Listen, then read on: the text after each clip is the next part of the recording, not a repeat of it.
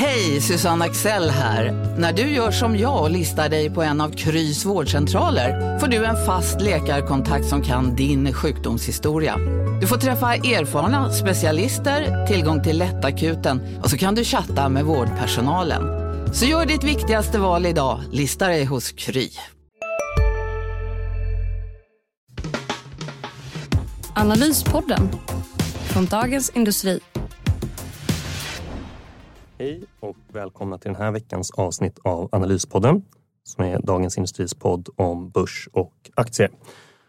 Mitt namn är Mikael Olsson och med mig i poddstudion idag har jag kollegan Torbjörn Isaksson. Tjena Torbjörn! Hej hej!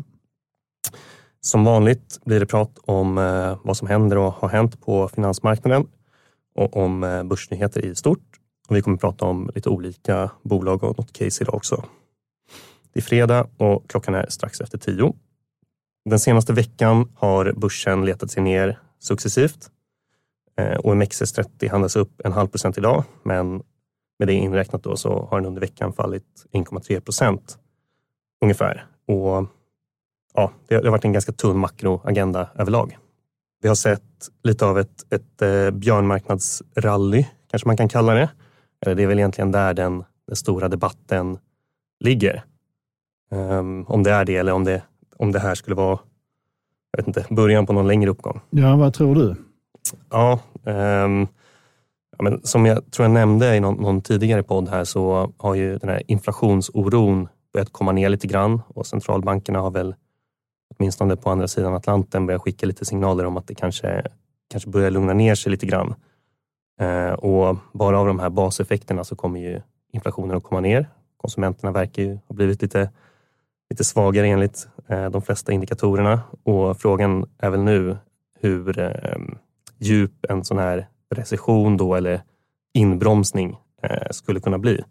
Och det är väl lite där egentligen som eh, analytikerna, eh, men där konsensus går isär. Många tänker ju att ja, men då kommer man bli tvungen att justera ner vinsterna och då kommer börserna att, att tappa. Medan i det andra lägret så tror man att det kanske inte blir så, så blodigt och att Eh, den här, eh, ja, vad ska man säga, nedtrappningen eller åtminstone tillbakadragandet från höjningarna som centralbankerna gör eh, kommer få börserna att eh, blicka framåt och kanske räntemarknaden och, och lugna ner sig lite grann i alla fall. Eh, men det, ja, det återstår verkligen att se. Nästa vecka så får vi ytterligare en pusselbit på det här, men vi kommer, med, vi kommer till det senare. I, i måndags så hade vi lite börsnyheter. Ehm, Bonnier News la ett bud på Readly som är ett slags digitalt magasinbolag. Eh, aktien rusade 57 procent då i och med ja, nästan upp till budkursen. Eh, och ett annat bolag som gick bra då var SBB, Samhällsbyggnadsbolaget. Eh, de gjorde ju en affär under förra veckan där de sålde en, nästan halva beståndet av deras utbildningsfastigheter till en kanadensisk Eh, investerare som heter Brookfield. Och i, i spåren av det då så höjde ett ratinginstitut utsikterna för SBBs kreditbetyg och det var väl det som eh, till stor del fick aktien att rusa på, på måndagen. Steg nästan 16 procent. Vad, vad kan man säga om den här affären Torbjörn? Du har ju kikat lite på det. Ja, det är det. det är väl, han, han blandar väl och ger lite här, eh, Ilja. Eh, men det finns ju både positiva och negativa delar i den här affären. Alltså, någonstans måste han göra någonting. Han har varit väldigt aktiv, han har gjort väldigt mycket. Och, och har väl eh, vunnit tid kan man säga. Och eh, själv eh, är han ju tillbaka lite i, tyvärr i gamla hjulspår där han snackar om att nu är allting jättebra, de behöver inte göra mer och det ser fantastiskt bra ut. Fullt så enkelt är det väl inte för dem. Och sen att de säljer det här beståndet som är, det är kärnan i det de ska syssla med. Och det är inte det de borde sälja, men det är väl det de blir av med. De sitter med bostäder och annat som är eh, väldigt mycket svårare att sälja. Så att de, de tvingas ju helt enkelt sälja lite av familjesilvret där. Och sen så eh, kan man ju diskutera hur, hur liksom, det är som vanligt väldigt många komplexa komponenter, hur det finansieras. Och han talade ju där om att ja, vi ska inte ha så mycket delägda verksamheter. Istället så skapar han ett enormt delägt bolag så det, det är, många vill ju se SBB antingen, alltså, det är ju blankarna som ser allting jättedåligt och så har du Ilja och hans gäng som ser allting jättebra. Sanningen ligger väl lite däremellan men det är klart att de har en hel del utmaningar och sen är det ju hela tiden de där komplexa, snåriga grejerna som de inte vill prata om. Så man bara undrar hur mycket sånt finns det som marknaden inte riktigt känner till. Men vad, um, ett exempel på uh, de här snårigheterna då, som, som du nämner är ju kanske det avtalet uh, som de har med Oscar Properties uh, som du har skrivit lite grann om.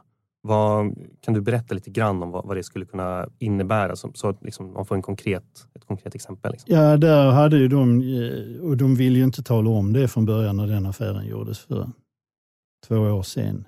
De sålde ett bestånd för 1,4 miljarder till Oscar Property. Så det är väl fastigheter som egentligen ingen vill ha. Men det är mycket sånt Oscar Properties har köpt. Och Oscar Properties ligger ju illa till finansiellt. Det kan ju vara en av de aktörer som, som ligger sämst till, mm. skulle jag vilja säga. Och Det kan ju då sluta med att när den, här, den finansierades, den affären, till hälften av en obligation som löper ut nu i april.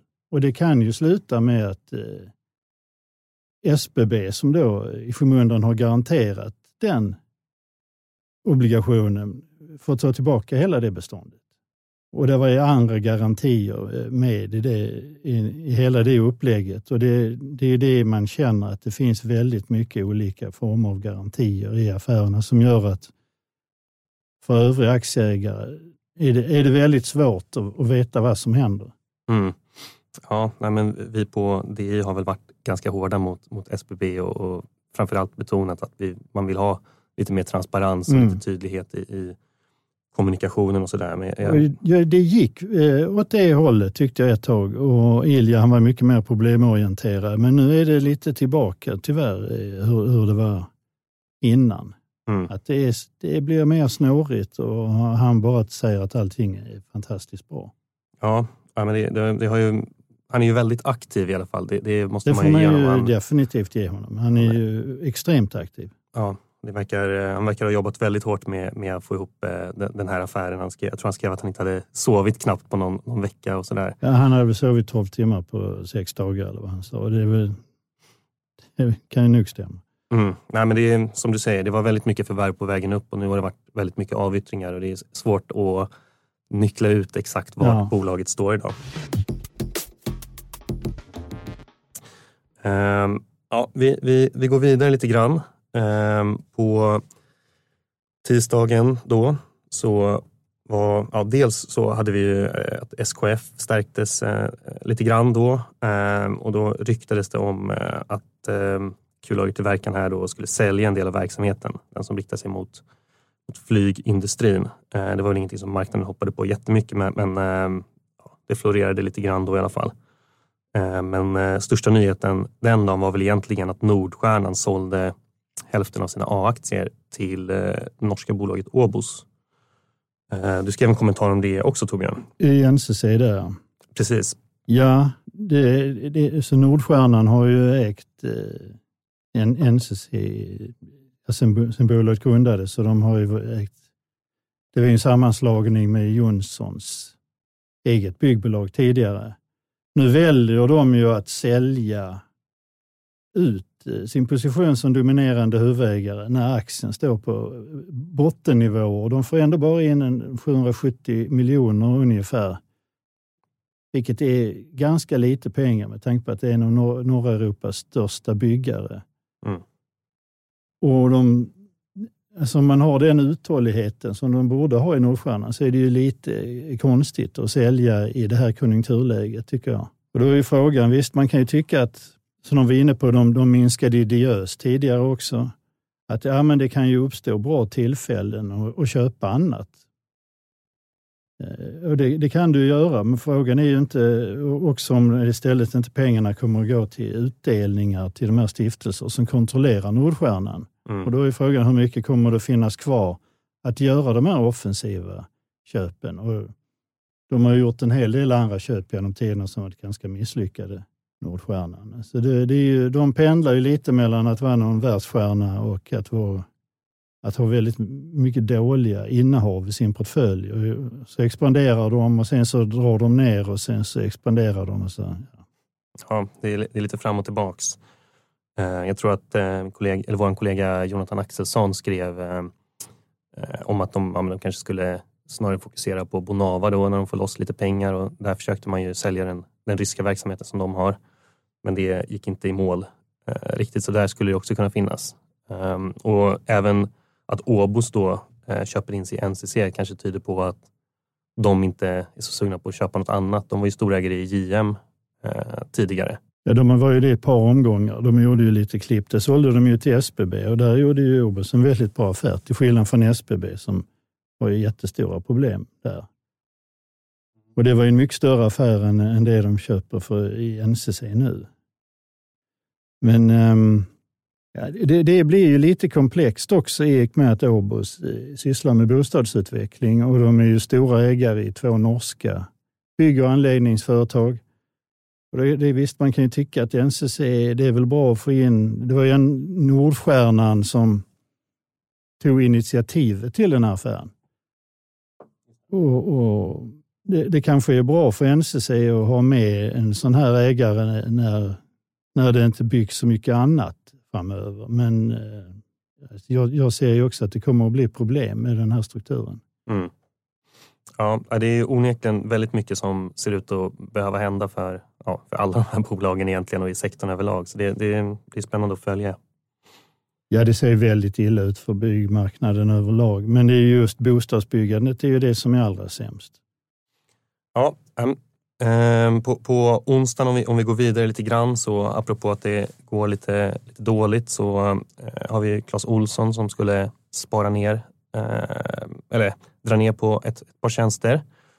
Eh, vi har sett liknande besparingsprogram i eh, både ICA och även eh, mindre aktören CDON här. Det känns ju som att hittills under året så har det kanske framförallt varit de här eh, startupbolagen och olönsamma eh, satsningarna och techsatsningarna som har dragit ner med, med Kry och Voi och, och eh, Klarna och sådär. Men nu börjar det leta sig in i handeln också. Så det är väl ett tecken på att man har kommit en, en bit i någon slags nedgång i alla fall. Ja, handeln, handeln är ju väldigt pressad för många, från många håll och frågan är nu börjar de dra ner personal. När kommer de att börja dra ner i ytor? Det måste ju vara en följdeffekt av att de drar ner på personal. Och, och när deras hyror kommer att räknas upp så pass mycket så kan man ju anta att de som kan dra ner på ytor kommer att göra det så fort som möjligt. Ja, ja hittills har det inte varit jättemycket transaktioner som jag har förstått det på, på fastighetsmarknaden. Och så Nej, det har det, ju, det inte varit, men i och med att eh, de här handlarna har ju väldigt små marginaler redan från början. När de då pressas av allt från elpriser till eh, ökade hyreskostnader så kommer de ju få dra ner. Ja, det ser inte jättemuntert ut eh, där heller. Ehm, och på, på onsdagen kom också ett, eh, ett besked ifrån Oncopeptides där amerikanska eh, läkemedelsmyndigheten FDA bett bolaget dra tillbaka sitt eh, preparat ifrån den amerikanska marknaden. Aktien sjönk ganska kraftigt på beskedet. Jag tror att det var ner drygt 30 procent. Ehm, den har väl gått hyfsat starkt eh, de, senaste månaderna, men ehm, jag tror att det var ganska väntat ändå att de, de skulle stöta på patrull här. För efter jag var väldigt kritiska tidigare i ett, ett rådgivande möte och har i sin dokumentation kring just eh, Oncopeptides eh, forskning och deras preparat eh, varit ganska hårda. Um, nu har de istället, Oncopeptides själva har ju, har ju alltid varit väldigt positiva och, och, stolta över sin data och de har ju fått rätt i den meningen att eh, europeiska EU-kommissionen har gett dem godkänt och även i, i Storbritannien ska de lansera nu. Så jag skrev en kommentar där jag tyckte att det här såg ut som lite spiken i kistan för USA-äventyret och Jakob som, som är bolagets VD och en av grundarna, om jag inte missminner Vi är specialister på det vi gör, precis som du. Därför försäkrar vi på Swedea bara småföretag, som ditt. För oss är små företag alltid större än stora och vår företagsförsäkring anpassar sig helt efter firmans förutsättningar. Gå in på swedea.se företag och jämför själv. Hej, Synoptik här. Hos oss får du hjälp med att ta hand om din ögonhälsa. Med vår synundersökning kan vi upptäcka både synförändringar och tecken på vanliga ögonsjukdomar. Boka tid på synoptik.se. Han sa att de eventuellt skulle överklaga det här och försöka ta det till en, en högre instans. Men eh, att det berodde lite grann på huruvida de skulle göra det berodde lite grann på om de tyckte det var värt att försöka stånga sig blod. Det är absolut ingen garanti på att man eh, lyckas med det. Men alldeles oavsett så har bolaget en eh, relativt stor nettokassa, drygt 400 miljoner och deras, läkemedels, eller deras läkemedel är godkänt i, i Europa. Så nu kanske de kommer fokusera liksom helhjärtat på det här. Då. Och det har ju varit en ehm, det har varit väldigt kraftig rörelse under året och egentligen ända sedan de börs introducerades har det varit mycket upp och ner. Så det blir spännande att följa hur, ehm, hur det ska gå för Oncopeptides. Här, men, um, jag, jag, tycker i alla fall att det, det ser intressantare ut nu här på 12-13 eh, kronor var handels än vad det stod närmare 20 tidigare i veckan. Även om det här USA-äventyret nu såklart ser väldigt, väldigt tufft ut så känns ändå utsikterna ganska goda, åtminstone ut i, i, här i Europa. Um, så, och uh, apropå läkemedelsbolag och hälsovård så hade vi ju Bico som igår gjorde en riktad nyemission. Uh, jag tror att den rusade närmare 60 procent nu på morgonen. På den jag här trodde till och med var uppe 70 ett tag. Ja, ja det, det var en väldigt kraftig rörelse. Det var något sånt, 60-70, ja. Och det, det, ska sägas att den här riktade nyemissionen gjordes till kanske 8-9 procents premie mot stängningskursen igår. Aktien gick ju långt över den ja, nivån. Ja, den var i alla fall över 100 när vi klev in här i, i studion. Så det var en, en eh, väldigt häftig rörelse om det nu nyemissionen gjordes på 76 kronor. Um, och bolaget är ju i behov av pengar. Det är skuldsatt och kassaflödet har varit lite fram och tillbaka under året kan man kanske säga. Um, Bico har ju varit extremt även de då aktiva på förvärvssidan, ehm, men har återhämtat sig ordentligt nu. Och det kändes i alla fall, tyckte jag, det, var väldigt hetsigt med, med köp och det fanns inte så många som ville sälja. Ehm, så då blir ju rörelsen extrem. Troligtvis så är det ju blankare som har bränt sig ganska rejält här. Allt tyder ju på att det, det är inte sådana short squeeze och blankare som... Och det, det, kan ju få väldigt dramatiska effekter under, under kort tid. Ja, så, så är det ju verkligen. Um, sen vet jag inte om det kanske presenterade sig snarare som ett, eller presenterade sig som ett, som ett säljläge. Um, för uh, ja, det, det, blir ju svårt att kanske motivera den typen av, av rörelser, åtminstone kortsiktigt. Men om de börjar få ordning på skutan, de har ju ett, ett samarbete också med de som var tagare i, i den här nyemissionen, Sartorius tror jag de heter. Mm. Och det kan ju bli en, en bra partner. Det, det, inget är ju kvantifierat här och jag tror inte avtalet var, var påskrivet riktigt ännu men alldeles oavsett så känns det som att Baiko har hanterat det här eh, väldigt bra. Mm. Får, får, man säga. Um, åtminstone om man ska tolka kursreaktionen. Och sen hade vi även Munters som hade kapitalmarknadsdag igår. Eh, de höjde sitt tillväxtmål eh, och ska växa nettoomsättningen organiskt med ett snitt om 10 procent per år. Eh, det är upp från, från tidigare 5 procent eh, och jag tror aktien gick upp ungefär 5 procent under gårdagen. Även Inwido och SKF hade kapitalmarknadsdagar. Ehm, SKF bekräftade faktiskt att de skulle göra en strategisk översyn av flygverksamheten. Det skulle ju, även det kunna innebära att de snarare ska satsa lite mer på det och kanske försöka göra förvärv och, och bygga ut det. Men, men det är, ja. Det verkar väl antingen eller. Antingen så går de framåt eller bakåt där. Mm, men någonting måste ske. Någonting måste ju ske. Eh, de sa också att det inte var CVN då som ja, Christer Gardells aktivistfond som, som hade drivit på det här. Eh, de är ju nya storägare i, mm. i SKF och eh, brukar väl ha en ganska aktiv eh, agenda som, som ägare. De vill ju ofta se renodling och att man gör sig av med verksamheter. Mm. Eh, och SKF stängde på minus 2,4 procent igår på en börs som var på nollan, så den här kapitalmarknadsdagen mottogs inte, inte jätteväl i alla fall där och då. Så idag, fredag, så kommer amerikanska PPI-siffror, producentpriser. Eh, analytikerna väntar sig en ökning med 0,2 procent eh, och det är samma som föregående månadssiffror. Ett diskussionsämne som jag tänkte att vi skulle hoppa på här innan vi tar ett case, att vi skulle snacka lite grann om eh, de här storägarna. Eh, vi har ju nämnt några stycken redan här under podden, men man kan ju kanske säga någonting eh, lite bredare om det. Jag eh, skrev en text häromdagen där jag tyckte att storägarna kanske kunde engagera sig lite i ja, alltså de övriga storägarna kunde engagera sig lite i beslutsfattarnas privatekonomi när den ändå har så pass stor eh, inverkan på vilka strategiska beslut bolagen fattar. Ja, det är lite att det finns ju, det finns ju många huvudägare som, har, som sitter finansiellt illa till nu. Och Det kan ju då leda till att man undrar varför fattas vissa strategiska beslut på avyttringar, storlek på utdelningar och så vidare. Så det, det, det, blir, det kan ju vara maktspel där mellan som när Akelius gick in och stoppade utdelningen i Castellum, vilket ju gjorde, skapade problem för Rutger Arnhult till exempel. Mm. Och sen så, du vet ju inte varför görs en... Det, det, kan göras en stor försäljning av verksamheter nu till kanske låga priser för att det är bra för en av huvudägarna. Men det kanske är långsiktigt inte alls bra för bolaget.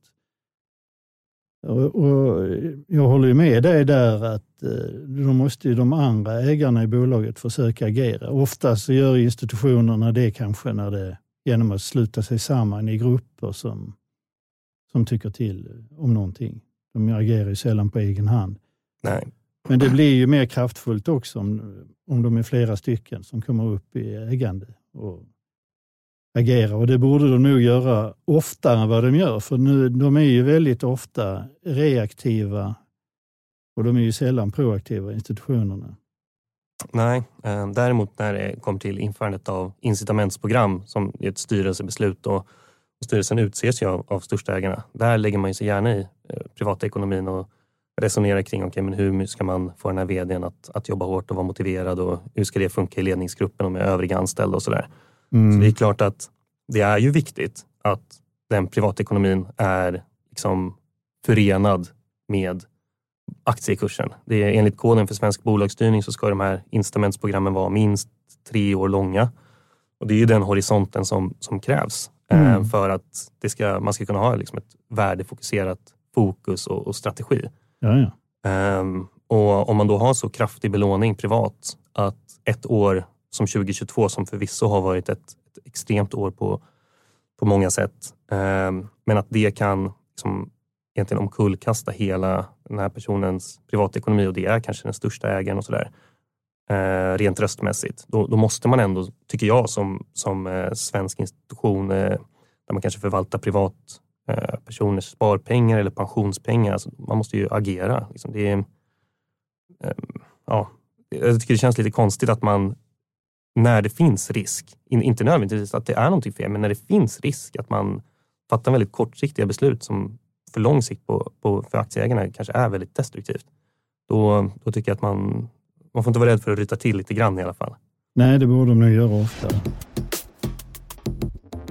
Och vi kan gå vidare också till ett, eh, ett aktiecase, veckans aktie. Det är Ulf Pettersson som har skrivit det och eh, det är aktien Pricer det är ett, ett bolag som eh, faktiskt haft en ganska trogen följerskara. Det, det är ett, eh, ett lite mindre bolag då som eh, tillverkar elektroniska eller digitala hyllkantsetiketter till dagligvaruhandeln. Det här är ett, eh, en aktie som egentligen många gånger har, har, sett väldigt bra ut men det har aldrig riktigt kommit igång. Det har varit lite fram och tillbaks kan man säga. Men den var väl hypad redan på 90-talet? Ja, så, så kan det nog vara. Eh, jag, det var lite före min tid. Men, om jo, men det, det var ju en sån aktie som, som man pratade om då. Det var någon som trodde att hon skulle bli större än Ericsson på den tiden. Det blev det inte riktigt så. Nej, ehm, då, då hade de behövt sälja fler etiketter än de gjorde. Och även ja, under de senaste tio åren så har det fram och tillbaka varit en, en snackis på ja, men alla, som, alla som följer DIs börssnack eller finanstwitter och sådär. har sett att eh, den har liksom blossat upp lite tillfälligt. Eh, men nu har Ulf skrivit om det i alla fall. Eh, bolaget har ett antal tuffa kvartal bakom sig här de senaste ett, två åren. Eh, orsaken har väl framförallt varit att eh, bruttomarginalerna har fallit kraftigt eh, i och med stigande komponent och tillverkningspriser på de elektroniska insatsvarorna och ökade fraktpriser också från tillverkningen i, i Asien och försäljningen sker huvudsakligen i Europa och, och i USA delvis. Eh, och sen har de haft en viss valuta mot vind de senaste kvartalen. Bolaget är en, en eh, förlorare på stark dollar. Eh, men vdn tror framåt att, att, tillväxten finns i USA så då skulle man kanske kunna balansera ut det. Stor del av intäkterna idag kommer i, i euro. Ehm, och för några år sedan så tog de, på, eller tog de in ganska många stora kunder. Ehm, det var Best Buy bland annat i USA och när de tog in de här stora kunderna så fick de lite sämre marginaler. Ehm, och nu när inflationen har kommit igång också eftersom att de har stora projekt, stora prestigekunder, så har det varit svårt att skicka vidare kostnadsökningarna till dem. Så de, de har liksom missgynnats här av flera faktorer egentligen under de senaste, senaste perioden. Det som eh, talar för dem nu är att eh, orderingången har varit stark de senaste kvartalen och i och med att priserna i dagligvaruhandeln har varit så eh, ja, mycket upp och ner så liksom skulle Pricer kunna vara en, en, inflationsvinnare för att man behöver justera priserna med ganska kort varsel helt enkelt. Och, mm, Pricers produkter blir helt enkelt attraktivare och värdet ökar på, på marknaden. Ehm, Pricer lanserade ett nytt ambitiöst tillväxtmål i somras eh, om att nå en omsättning på 4,5 miljard eh, kronor år 2025 Ulf landar i att de skulle kunna nå tillbaka till en rörelsemarginal på kanske 8 procent om några år eh, och ser därmed ett, ett köpläge. Då. Och på nästa års prognos så landar han i ett PE-tal om 19. Yes, innan vi, vi rundar av så tänkte vi prata lite grann om vad som händer nästa vecka. Det, det mesta händer främst i, i USA. Eh, det är lite inflationssiffror som kommer för USA på tisdag och sen är det Fed-besked på onsdag som blir den stora makrohändelsen. Eh, på torsdag har vi även då en eh, eh händelse i USA. Det är Ericssons kapitalmarknadsdag i New York. Det blir eh, spännande att se lite grann vad, vad Börje kan eh, komma med då för någonting. Eller vad, vad säger du Torbjörn? Ja, det är, det är ett väldigt ifrågasatt bolag från så hela vägen från hur, hur storägarna agerar där, Investor och industrivärlden, till styrelsen ju som, som varit i blåsväder och även Börje Ekholm själv där hur det har blivit väldigt ifrågasatt. Och, och det, det är mycket med de här mutfrågorna. Det var ju treårsjubileum för deras eh, uppgörelse med amerikanska myndigheter här tidigare i veckan. Men den fortsätter ju bara rulla på. Och Sen är det ju också så rent operativt, nätverken går ju, går ju väldigt bra för dem. Men, men stora delar av bolaget är ju, som de har köpt in sig i, inte minst, är ju väldigt dåliga och har, och väldigt låga värden, vilket ju visar sig i en affär de gjorde nu dagen också. Att de, de får ju nästan betala i stort sett för att göra sig av med vissa saker.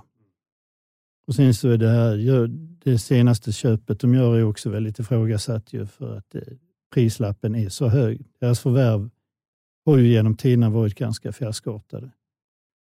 Så att eh, det är, det är återigen, det är mycket upp till bevis för Ericsson här i, i veckan. Mm. Ja, det blir spännande att se. De, de kommer ju säkert prata väldigt mycket om det här Vonage-köpet som de gjorde under fjolåret och sen eh, ja, måste de försöka få fart på på övriga verksamheten också. Ehm. Ja, det är mycket förtroende som måste återvinnas där. Mm. Ja, det blir spännande. Um, innan vi rundar av ska vi passa på att tipsa om våra andra poddar det som DI har. Är bland annat Makrorådet, Digitalpodden. Sen har vi också Mitt i bruset, Smarta pengar, Morgonkoll och sen även DIs ledarpodd. Det var allt för idag. Får tacka för oss och önska en trevlig helg. Tack och hej. Analyspodden från Dagens Industri. Programmet redigerades av Umami Produktion. Ansvarig utgivare Peter Fellman.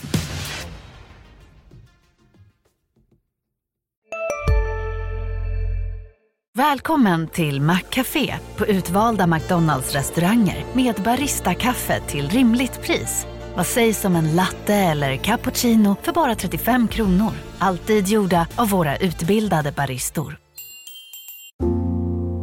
ska några små tassar flytta in hos dig. Hos Trygg Hansa får din valp eller kattunge 25% rabatt på försäkringen första året. Läs mer och teckna djurförsäkringen på trygghansa.se. Trygg Hansa, trygghet för livet.